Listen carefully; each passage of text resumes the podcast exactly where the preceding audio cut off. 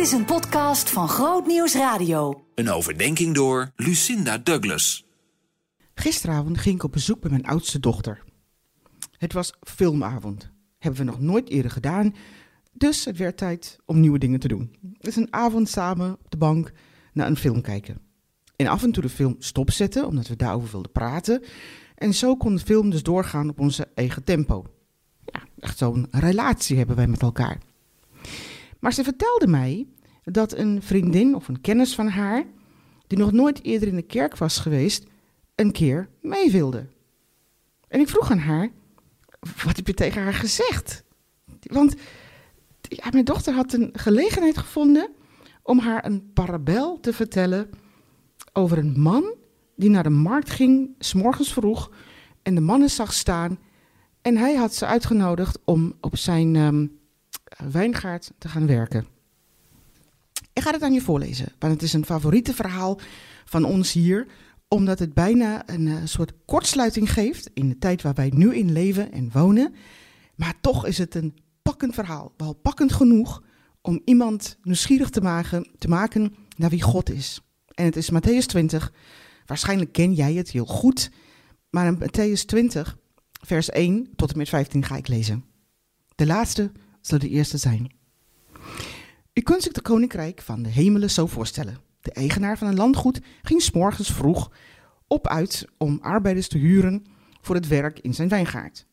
Hij kwam met de arbeiders overeen dat hij ze een volledige dagloon zou betalen en zette aan het werk.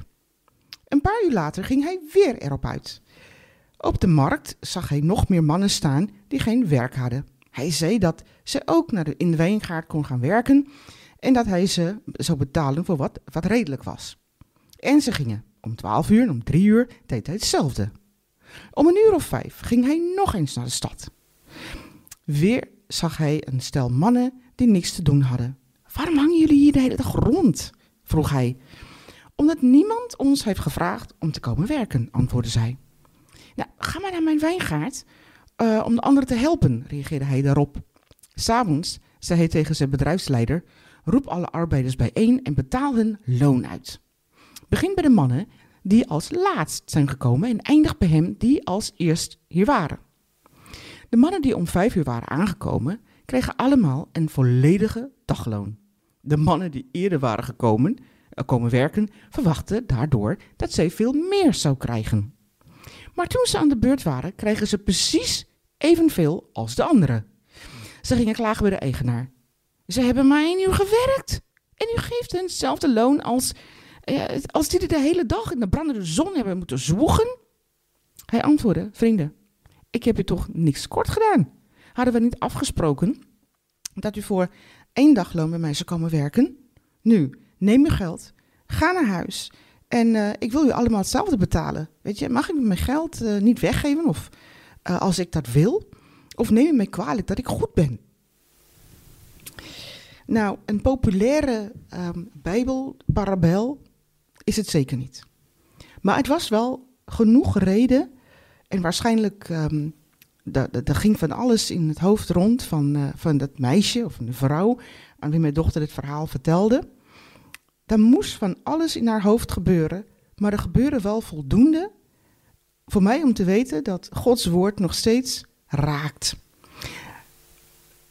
En dat, dat Gods woord, hè, dat, dat parabel, wat zo tegenstrijdig is aan, de, aan hoe wij vandaag de wereld zien, toch wel zoiets heeft van, hé, hey, maar dat is wel interessant. Dat, dat maakt nieuwsgierig. Want ook wij als christenen, wij, wij volgen niet altijd het uh, parabel op natuurlijk. Ik weet vanuit mijn uh, um, achtergrond dat mensen altijd meer willen. Meer, meer, meer. Ook al um, waren ze overeengekomen dat dat wat zij zou krijgen aan loon, um, dat dat voldoende was, dat ze daarmee tevreden waren. Maar goed, het gaat niet zozeer om het loonverhaal, want het is natuurlijk wel een parabel, maar het gaat om de gedachtegang hierachter. Revolutionair noem ik dat. Maar het raakte dit meisje zo, en dat is ook wat Gods woord doet, weet je. Het raakt de ander, het raakt mij, het raakt jou, tenminste, dat is wel de bedoeling. En wat ik ook nog mooi vind, is dat mijn dochter heel jong is in het geloof. Ze is uh, pas anderhalf jaar geleden gedoopt. Maar daar kijkt God niet naar. God is op zoek naar mensen die bereidwillig zijn, die beschikbaar zijn en die zich niet schamen. En ik, uh, ik kan je verzekeren dat um, God is mij genadig geweest dat zij gedoopt is. Ik zie hoe zij groeit in het geloof en God is mij zeker genadig. Niet, het heeft niks te maken met hoe goed ik ben of wat ik gedaan heb. Maar ze is sterk en moedig. En ik, ik wil alleen maar voor haar bidden, omdat ik haar nog sterker en moediger wil hebben. Want zij is onderdeel van een generatie, nog geen dertig, waar mensen Gods woord nodig hebben als nooit tevoren. Nou ja, mensen hebben altijd Gods woord nodig. Maar weet je, ik had gewoon plaatsvervangende trots. Ik weet niet of dat mag, maar ik had het gewoon toen ik thuis kwam gisteravond. En ik dacht, welke verhaal vertel ik deze week? En mijn vraag aan jou is, welk verhaal vertel jij deze week?